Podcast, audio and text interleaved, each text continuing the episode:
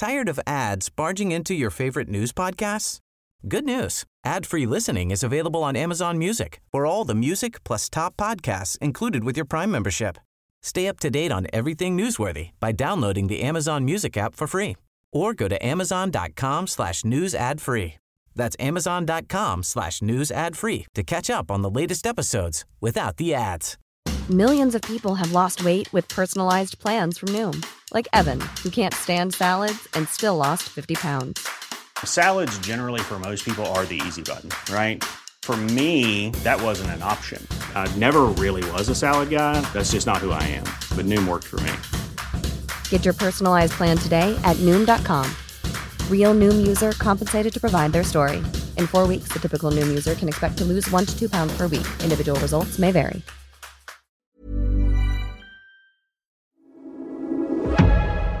Du lyssnar på GVS ljudböcker.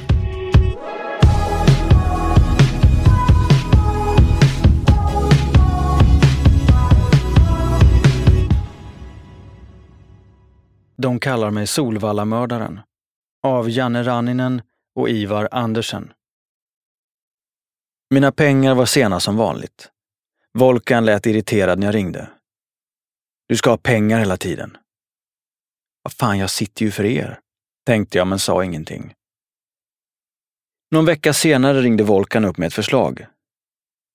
Jag vet en grej som du kan göra lite pengar åt oss på från insidan. Medan jag väntade i telefonen gick Volkan fram till en snubbe, slog honom i huvudet med pistolen och krävde 50 lax. Frank, jag har en kompis här som vill prata med dig, hörde jag honom säga innan han räckte över luren. Jag visste vem Frank var. Volkan hade pressat honom på pengar tidigare och dessutom tagit en guldkedja på 350 gram av honom. En guldkedja som Volkan senare gav mig i present. Nu var det tänkt att snubben skulle bli skrämd av Solvallamördaren. Och jag spelade min roll som jag skulle. Jag såg ju upp till Volkan och kände broderskärlek. Frank, de där 50 laxen, jag behöver dem, sa jag menande. Efteråt kändes det bara fel. Jag visste inte om killen hade gjort något för att förtjäna utpressningen mer än att ha råkat hamna i Volkans väg. Fan. Ska behöva göra pengar inifrån kåken nu också, tänkte jag. När jag ringde Volkan någon månad senare och frågade hur det hade gått svarade han bara att det inte hade kommit några pengar och började snabbt prata om annat. Anstaltsledningen på Tidaholm började också gå till överdrift när det gällde min säkerhet. När jag skulle till besöksrummet fick jag inte ta den vanliga vägen, utan leddes bakvägen mellan avdelningarna och murarna. Det var aldrig någon fånge som fick röra sig där i vanliga fall. Så när jag passerade förbi glodde förstås alla från fönstren. Jag tyckte att det var fett förnedrande. Kriminalvårdens högste säkerhetschef var finne och hette Christer Isaksson. Jag tog kontakt med honom och han gick med på att komma till Tidaholm för att träffa mig. Hörru, hur länge ska det här jävla clowneriet pågå? Jag spelade över om hur rädd jag var för att få kortare straff, sa jag när vi sågs. Janne, jag skiter fullständigt i om det händer dig något, svarade Christer lugnt. Problemet är att kvällstidningarna har skrivit att det kommer att riktas hämndaktioner mot dig så fort du sätter din fot på kåken. Om du kliver ut på banan och får stryk för att du startar slagsmål, så kommer de skriva att Solvallamördaren blivit misshandlad och då får vi skit för det. Jag tyckte att resonemanget lät märkligt. Men mentalt var det ändå skönt att veta att de inte skyddade mig utan sig själva. Hur är det i Finland? frågade jag. Ja, det är annorlunda. Om du åker på stryk efter att själv ha startat något bråk så bryr de sig inte. Det avgjorde saken. Ge mig papprena, sa jag. Jag var besviken. Kova var död och jag kände mig utnyttjad av dem som skulle vara mina bröder. Fan, jag sticker, tänkte jag. Visserligen hade jag ändå tänkt söka mig till Finland, men inte så här. Efter en bekväm fängelsevistelse i Sverige skulle jag ha begärt förflyttning till hemlandet för att förkorta strafftiden. Nu flydde jag istället för att ta tag i problemen. Jag tänkte att Finland skulle bli en nystart. Men på ett sätt var det som med klippningen. Jag hade hamnat i en dålig situation och letade efter den snabbaste vägen ut. Det tog två, tre månader och sen godkändes min begäran. Jag hade suttit sju månader på Tidaholm och avtjänat totalt ett år och sju månader av straffet i Sverige. Nu var jag på väg till andra sidan Östersjön. Jag hoppades att jag var på väg hem. Det var en lördagsförmiddag i augusti 1999 och plitarna var sura. Jag flög reguljärt från Landvetter tillsammans med två plitar från Kriminalvårdens transporttjänst. De ville förstås att jag skulle vara handfängslad hela resan, men på ett flygplan är det kaptenen som bestämmer och kaptenen tyckte annorlunda. Fan, jag ska nog ta och beställa en whisky också, skojade jag med plitarna. Man verkade inte fatta skämtet. Du tror väl inte på allvar att vi låter dig beställa alkohol under transporten? I Sverige är man alltid bojad. Det spelar ingen roll om du är snorung eller gangsterboss. I Finland var det tydligen annorlunda. Två trötta plitar tog emot mig och slängde in mig i bilen. Det här verkar ju avslappnat, tänkte jag. Anstalten var en gammal röd tegelbyggnad och låg på Skatudden, mitt i centrala Helsingfors.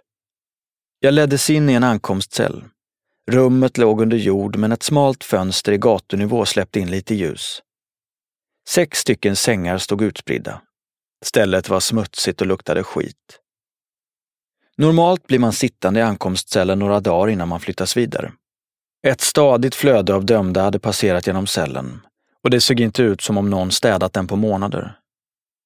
Pliten gjorde sig redo att låsa in mig. Klockan var tre på eftermiddagen och jag hade inte ätit sedan frukost, så jag frågade när det var mat. Frukosten är imorgon klockan åtta, svarade pliten. Men vad fan, jag är ju hungrig. Frukosten är imorgon klockan åtta. Jag bestämde mig för att testa med någonting annat. Det finns ingen tv här, sa jag. Och, blev svaret. Hämta en tv åt mig. Stick åt helvete. Ingen mat, ingenting att göra. Jag tänkte att jag i alla fall var tvungen att få något. Jag måste få min tandborste. Pliten blängde irriterat på mig. Okej, okay jag ska kolla om jag hittar din tandborste. Men inget mer sen. Jag kollade på sängarna. De var lika äckliga som rummet. Lakanen såg ut att ha använts av tio personer innan mig. Stället var fuktigt som en källare. Det var inte 1980-tals standard som på svenska anstalter. Det var 1800-tals standard. Kanske var det inte så klokt att åka till Finland ändå, tänkte jag för mig själv. Väntan känns alltid längre när man är hungrig. Och när plitarna äntligen öppnade celldörren nästa morgon var jag utsvulten. Det blev inte cornflakes och smörgåsar som jag var van vid. Det här var Finland och frukosten bestod av havregrynsgröt som serverades direkt ur en plåthink. Om man ville fick man ta en skiva knäckebröd till. Jag frågade efter mina kläder men fick höra att jag inte skulle få dem förrän jag blev intagen. Det tog ändå inte så lång tid. På eftermiddagen kallades jag upp till avdelningen och behövde inte sova mer än en natt i råtthålet. Jag hade en del bagage med mig från Sverige. Ett duntäcke, en tavla, någon affisch som farsan fixat och flera sopsäckar med kläder. Vad fan är det här för något? frågade plitarna. Det är mina grejer. Är du dum i huvudet? Du får inte ens ta in hälften här. Kläderna kunde jag vara utan. Mest orolig var jag över att bli placerad på en golbögsavdelning igen. Vad är det för folk på stället ni ska sätta mig på? Det är helt vanliga kriminella som du, svarade plitarna. Det var skönt att höra. Kanske var det äntligen slut på daltandet. Avdelningen låg tre våningar upp i det höga tegelhuset. Det fanns två bäddar i min cell och det var precis lika skitigt som i källaren. Jag såg en grå låda i hörnet och öppnade för att kolla vad som fanns inuti. Doften slog emot mig som en smäll och jag var nära att spy. Inuti stod en hink till hälften full med skit och piss. Fy fan vad äckligt! Vad fan är det här för något? Vad ser det ut som? Jag vill inte ha skiten här inne. Då får du gå och tömma din hink som alla andra. Lunchen serverades i cellen. Jag passade på att fråga när det var dags för promenad och fick veta att jag kunde få vara ute en timme innan middagen. När celldörren öppnades hade man utsikt över det som hände på anstalten. Ett öppet schakt löpte mellan våningarna så man kunde se upp och ner till de andra avdelningarna. Som i en gammal film från Alcatraz. Pliten gick runt i korridorerna och ropade Promenad, promenad. Jag snörade på mig dojorna och väntade, men ingen kom och öppnade. När de kom med middagen var jag arg. Flera dagar hade gått sedan jag fick röra på benen sist. Hörru, varför blev jag inte utsläppt på promenad? Du har inte flaggat på. I väggen bredvid celldörren fanns en smal metallstång med en platta längst ut. När man tryckte åkte den ut på andra sidan väggen och plitarna såg vem som ville ut. Jag hade aldrig sett någonting liknande. Är det här stenåldern eller? sa jag upprört. Hur fan skulle jag ha kunnat veta det? I Sverige trycker man på radion. Pliten bara skrattade. Ja, nu vet du det till imorgon. Det var en kulturchock. Ändå tyckte jag om det. Det var den romantiska bilden av hur ett fängelse skulle se ut. Den bild som man hade när man var liten och lekte tjuv och polis.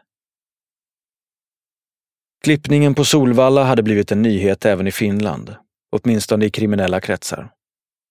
När jag kom till anstalten visste folk redan vem jag var. Bemötandet var gott. Guldkedjan på 350 gram som jag bar runt halsen gav cred och några killar kom fram och sa att jag hade representerat Finland bra ute i världen. Lite jobbigt var det också. Nu skulle jag behöva leva upp till ryktet som Solvalla-mördaren här med. Att komma till Finland var på många sätt som att resa bakåt i tiden.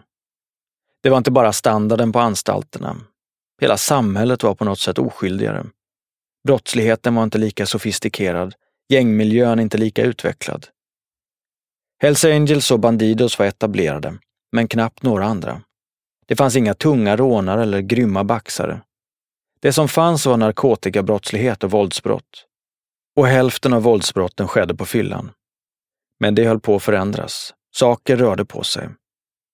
Jag såg samma utveckling i Finland i början av 00-talet som jag sett i Sverige under det tidiga 90-talet. Det höll på att bli internationellt och jag ville utnyttja mina kontakter runt om i världen fullt ut.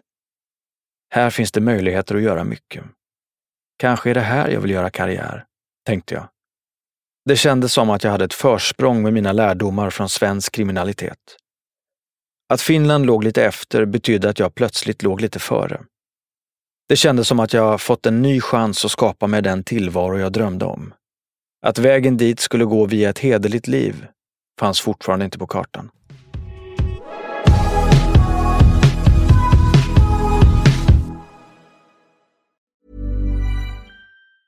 Normally, being a little extra might be a bit much, but not when it comes to healthcare. That's why United Healthcare's Health Protector Guard fixed indemnity insurance plans, underwritten by Golden Rule Insurance Company, supplement your primary plan so you manage out of pocket costs. Learn more at uh1.com. Millions of people have lost weight with personalized plans from Noom, like Evan, who can't stand salads and still lost 50 pounds. Salads, generally, for most people, are the easy button, right? For me, that wasn't an option. I never really was a salad guy. That's just not who I am. But Noom worked for me. Get your personalized plan today at Noom.com. Real Noom user compensated to provide their story. In four weeks, the typical Noom user can expect to lose one to two pounds per week. Individual results may vary.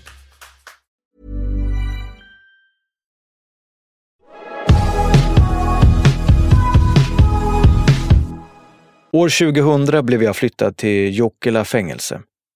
En anstalt fem mil norr om Helsingfors med både öppna och slutna avdelningar. Stället var okej, okay, men vaktchefen var ett as. Kontanter var förbjudna på avdelningen, men vakterna hade missat ett brev från Volkan med 650 mark. Vad fan fick du det därifrån? frågade de andra fångarna. Idioterna råkade släppa igenom det, svarade jag. Jag beslutade att lämna in pengarna till vakten för förvaring. Jag hade ändå ingen större användning för dem bakom murarna och risken var att jag skulle få en disciplinpåföljd om någon plit råkade hitta dem. Vakten reagerade precis som fångarna. Var fick du dem därifrån? Jag fick det precis från dig, svarade jag uppriktigt. Okej, okay, bra att du lämnar in det. Vakten gjorde ingen grej av det. Det var ju hans miss och allt verkade lugnt. Men två dagar senare kallade vaktchefen in mig. Han menade att jag hade tagit emot brevet, gått till cellen och stoppat pengar i kuvertet och därefter gått tillbaka till vakten med dem. Det här är din metod för att tvätta svarta pengar här inne. Det var skitsnack. Men fängelsedirektören hade inget annat val än att lita på sin vaktchef. När jag började få mina första permissioner 2001 så ville grabbarna jag lärt känna på kåken visa mig Helsingfors. Vi festade på nattklubbar och hängde i hotellbarer. Det var skönt att komma ut. Jag träffade mycket nytt folk och lärde känna staden bra. Men oavsett vilket land man har under fötterna så är himlen ovan alltid densamma.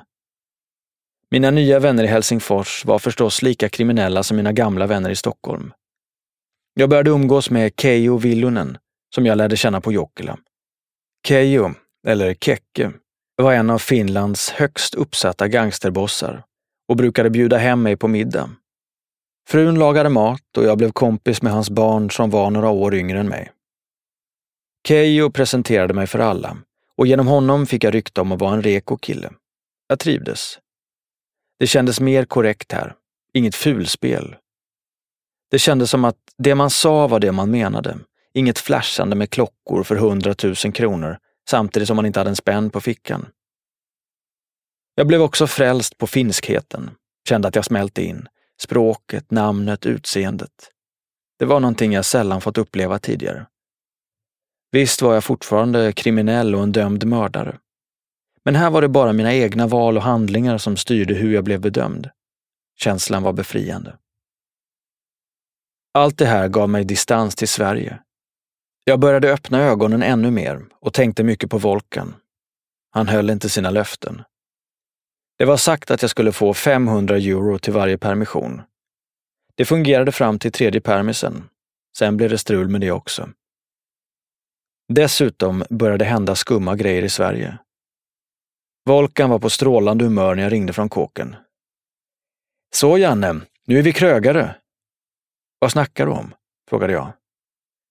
Det visade sig att Volkan tagit över halva pizzeria Leila. Något år tidigare hade Harrys familj sålt vårt gamla stamställe till fyra turkar. Och en av de nya ägarna hade tydligen blivit girig. Lösningen blev att kontakta Volkan för att tvinga två av dem att skriva över ägarskapet. Den fjärde ägaren hade en bror med ett tungt namn, så honom tyckte väl Volkan att det inte var värt att bråka med. Men de andra två gav han sig på direkt. Jag bjöd hem en av dem på en drink, men hade två grabbar med rånarluvor och kalasjnikovs i andra rummet.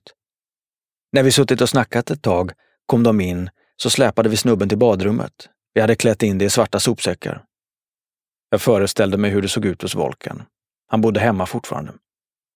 Sen eh, pressade jag honom lite. Volkan hade fyllt en burk Red Bull med ammoniak och tvingat det chockade offret att lukta på den. Så sa jag, det här ska jag spruta in i dina ådror. Det räckte. Den andra ägaren gav upp sin andel i ren skräck. Vad skulle de annars göra? Det här var inga gangsters, de var pizzabagare. Turkar som kommit till Sverige som arbetskraftsinvandrare och slitit arslet av sig 14 timmar om dagen, sju dagar i veckan för att kunna ha en restaurang och försörja familjen. Det här är inte kriminalitet, tänkte jag. För mig har det alltid spelat roll vem man tar ifrån.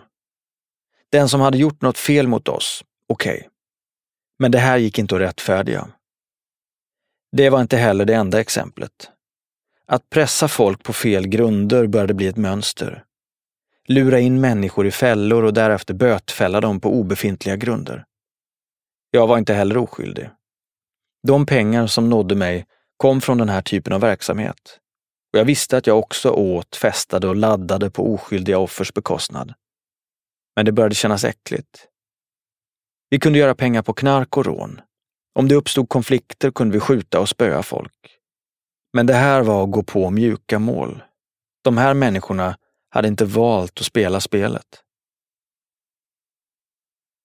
En morgon när jag slog på text-tv i cellen möttes jag av rubriken Brand i Jordbro centrum. Tydligen hade en brand brutit ut på en restaurang. Halva centrum hade varit nära att brinna upp. Pizzeria Leila låg ju i Jordbro centrum, så jag gick direkt och ringde till Volkan. Tjena brorsan, hur mår du? frågade jag. Jag mår bra. Själv? svarade Volkan. Allt bra här. Men jag såg på text-tv att det har brunnit i Jordbro. Ja, jag hörde också något om det. Restaurangen mitt emot brann tydligen. Det snackas om en explosion. Volkan behövde inte säga mer. Jag förstod. Grabbarna hade sprängt restaurangen mitt emot. Jag kunde bara skratta. Det kändes som att våra kriminella liv eskalerade allt snabbare. Det hände hela tiden saker som kändes som tagna ur filmer. Och jag kom att tänka på en scen ur Maffiabröder, när Joe Pesci och Ray Liotta sitter utanför en restaurang de precis tänt eld på. Nu var det verklighet för oss. När jag kom över till Sverige nästa gång fick jag situationen förklarad för mig. Vi pratade med ägaren av den andra restaurangen och sa att Jordbro centrum är för litet för två ställen. Vi erbjöd honom att köpa upp oss eller att vi skulle köpa hans restaurang, berättade Volkan. Han ville expandera, ville ta över den andra restaurangen, Café M, om än på ett snyggare sätt än han tagit över Leila. Men ägaren hade vägrat så det slutade med att någon körde en bil rakt genom Café M's entré, hällde ut bensin över hela restaurangen och tände på. Men skam den som ger sig.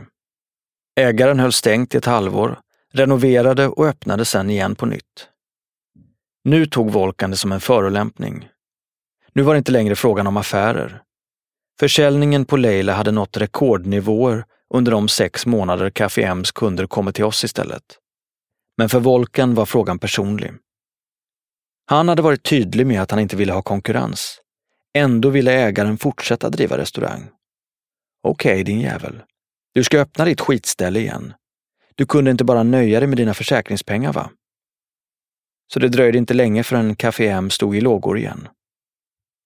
Haningepolisen förstod givetvis vad som pågick. De gick ut i en intervju i lokaltidningen Mitt i Haninge och bekymrade sig över utvecklingen i Jordbro. Det här var ett bra ställe att växa upp på förut. Vi brydde oss inte. Vi såg till oss själva och vårt. Att omgivningen drabbades var någon annans problem. Chito hämtade upp mig från båten. Volkan satt på Asptuna men skulle också ha permis, så vi åkte dit för att plocka upp honom. Det hade börjat med att han försökt pressa några kurder på pengar. När de hade vägrat att betala hade Volkan och en polare slagit en av dem. Kurderna hade bestämt sig för att hämnas och meddelade att de skulle komma förbi Leila. Pizzerian var stängd, men inne i lokalen väntade Volkan, Chito och några till. Vad ska de göra? Knulla dem! skrek Volkan. Han hade dragit linor och gick fram och tillbaka inne på Leila. Ta det lugnt. Vi ska resonera med dem först, sa Chito. När Chito såg kurderna närma sig utanför öppnade han ena restaurangdörren och gick ut för att möta dem. Men han hann inte mer än ett par meter innan han kände vinddraget av en kula som passerade hans huvud. Kulan kom bakifrån. Volkan hade öppnat eld mot kurderna. Första skottet missade, men Volkan fortsatte att peppra. En kula tog i magen på en av kurderna som föll ihop. Medan han segnade ner mot marken avlossade han ett skott och sköt sönder ett av de stora glasfönstren i Jordbrocentrums tak. En annan av kurderna träffades i armen. Chito stod mitt i korselden med glassplitter haglande över sig. Han tog ett jämfota hopp över staketet som omgav uteserveringen och sprang mot bilen tio meter bort för att hämta sitt vapen. Chito var tillbaka på en sekund. Men allt var redan över. Kurderna hade dragit iväg med sina skadade vänner. Volkan, Chito och de andra omgrupperade inne på Leila och väntade på en hämndattack. Volkan ringde killen som förvarade hans kalasjnikov och bad honom ta med den till centrum. Dessutom plockades två handgranater fram ur vapengömman. Men kurderna hade kört raka vägen till sjukhuset. Istället stormade polisen stället. Volkan var den enda som åkte dit. Rätten ansåg att han hade skjutit i självförsvar, men fick ett års fängelse för vapenbrott. På vägen till anstalten satt Chito och kollade i backspegeln hela tiden. Ser du den där Saaben med reggplåten SSE 943? Den där jävla bilen har varit på mig i flera dagar, sa han. Sluta, sa jag. Nu har du laddat för mycket. Volkan blev utsläppt klockan elva på förmiddagen och vi satte igång och laddade direkt. Fan, jag har inte ens käkat lunch, tänkte jag. Det här är inte ens att festa. Det här är att punda. Tog du med dig pengar? frågade Volkan och Chito nickade. Umit, Volkans kusin, skulle gifta sig. Jag hade lärt känna honom i yngre tonåren när han sporadiskt brukade dyka upp hos Volkan. Men eftersom han var två år yngre än mig hängde vi aldrig så mycket i unga år. Umits pappa Salim hade varit krögare så länge jag kunde minnas. Först ägde han en liten pizzeria i gamla centrumet i Handen, sen puben i Brandbergens centrum och till slut skaffade han och Umit restaurang Jägaren i Västerhaninge ihop. Umit hade ofta besökt mig på fängelserna tillsammans med Volkan, eller Volkans lillebror Kenan. När jag hade permis var restaurang Jägaren alltid ett givet ställe att titta förbi. Där fanns alltid en glad Salim och en lika glad Ymit. Där fanns alltid ett mål mat och dricka och det debiterades aldrig en spänn för det. Vi skulle handla nya kostymer innan bröllopet och drog till Hugo Boss vid Stureplan.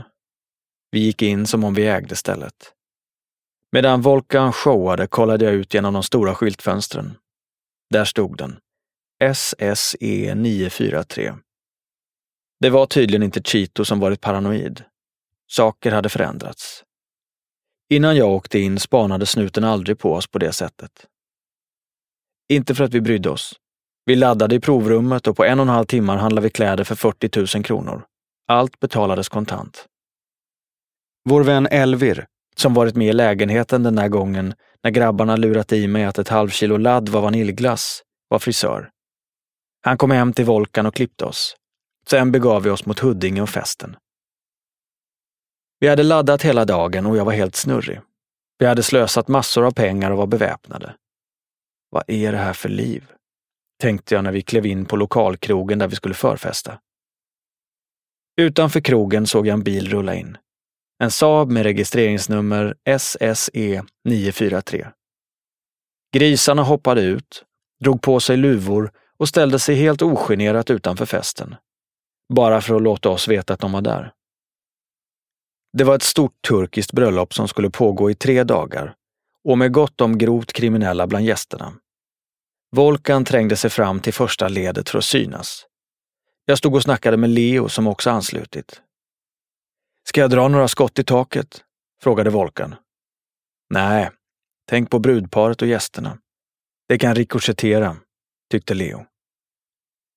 Jag hörde inte så mycket av talen, för vi sprang hela tiden på toaletten och drog linor. Det hade blivit ganska många under dagen.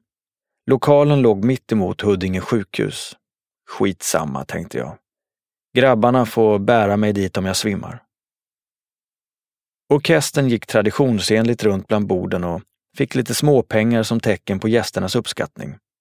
När de kom fram till vårt bord drog alla fram värsta sedelbuntarna. Grabbarna hade pengar och ville att det skulle synas. Jag skulle tro att orkestern tjänade mer där än på hundra fester. När limousinen kört hem Volkans kusin och hans nyblivna hustru la vi beslag på den och körde raka vägen till Karma på Stureplan. Krogen styrdes av Milan Sevo och gänget som tagit över efter Joxo och det var viktigt för oss att visa att vi var tillbaka. Dörrvakten förstod direkt vilka vi var och visste inte alls hur han skulle bete sig. Hans chefer skulle självklart inte vilja ha oss på sitt ställe. Men om han skulle neka oss skulle han i bästa fall bli sönderslagen och i värsta fall skjuten. Vi gick in och tog det bästa bordet, laddade på toaletterna och delade ut örfilar till vettskrämda överklassungar. Allt bara snurrade. Det här är en film, var det enda jag kunde tänka. Dagen efter mådde jag dåligt. En del av illamåendet var rent fysiskt av allt vi dragit i oss. En annan del var chock över hur annorlunda allt blivit. Kontrasten var stor. Visst, omfattningen av vår kriminalitet hade varit mindre när jag åkte in. Och om mer pengar kom in var det naturligt att mer flödade ut. Men det hade aldrig varit show-off på sån här nivå innan. Vi hade bränt 40 lax på kläder på en och en halv timme. Och jag har problem med att få fem lax när jag ska på permis. Här är något som inte stämmer. Jag ville visa Stockholm och Sverige för Keyyo och på en av mina permisar tog han båten över tillsammans med en vän.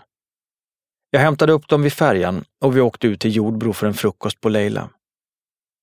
Efter att jag visat runt Keyyo och kompisen anslöt Chito och hans kusin Gustavo och vi åkte vidare till jägaren. Efter ännu en måltid i goda vänners lag körde vi mot Stockholm. Leo hade blivit anhållen för misshandel och vi hoppades att han skulle gå loss så vi kunde möta upp honom. Men han blev häktad så vi styrde mot hotell Sheraton för att ta en kaffe. Chito körde. Janne, Det är kanske bra om vi säger till gästerna från Finland att jag är beväpnad, sa han plötsligt. Gustavo öppnade handskfacket och drog ut nian. Jag översatte och våra gäster förklarade att det var lugnt för deras del. Sen skrattade Chito till. Du kanske också ska säga att jag inte har körkort. Jag skrattade också och förklarade för Keyyo.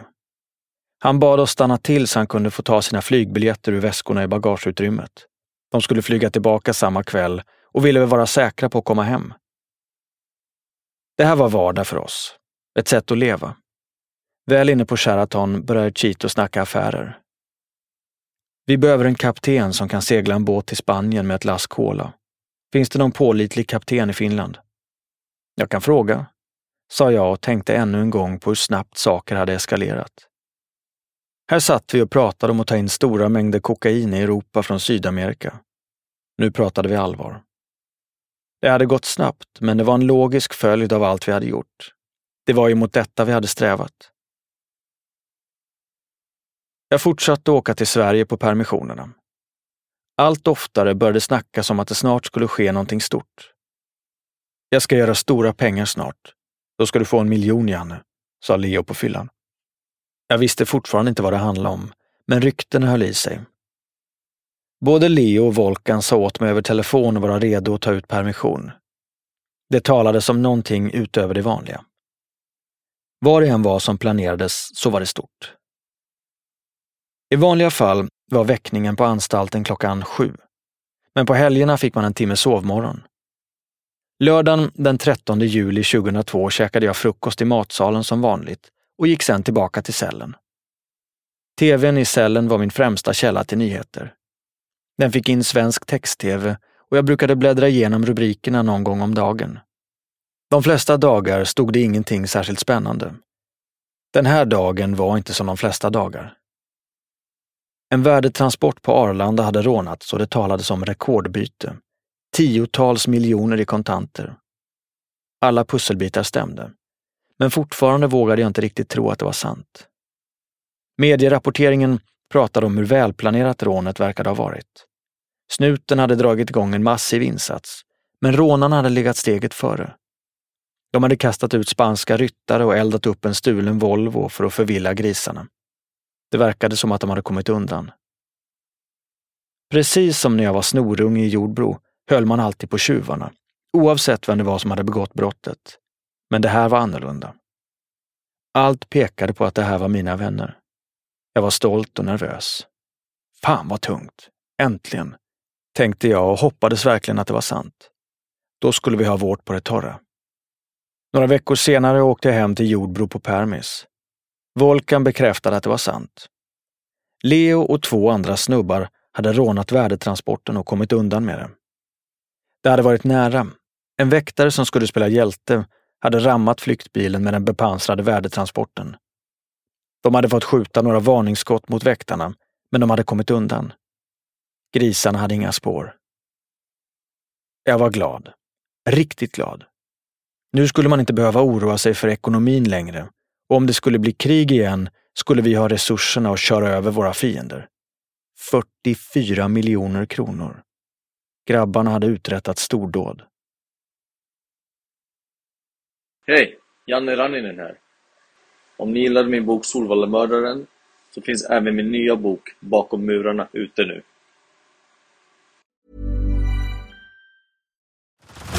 Head over to Hulu this March where our new shows and movies will keep you streaming all month long. Catch the award-winning movie Poor Things starring Emma Stone, Mark Ruffalo, and Willem Dafoe. Check out the new documentary Freaknik: The Wildest Party Never Told about the iconic Atlanta Street Party. And don't miss FX's Shogun, a reimagining of the epic tale starring Anna Sawai. So, what are you waiting for? Go stream something new on Hulu. Tired of ads barging into your favorite news podcasts? Good news. Ad-free listening is available on Amazon Music for all the music plus top podcasts included with your Prime membership. Stay up to date on everything newsworthy by downloading the Amazon Music app for free or go to amazon.com slash news ad free. That's amazon.com slash news ad free to catch up on the latest episodes without the ads.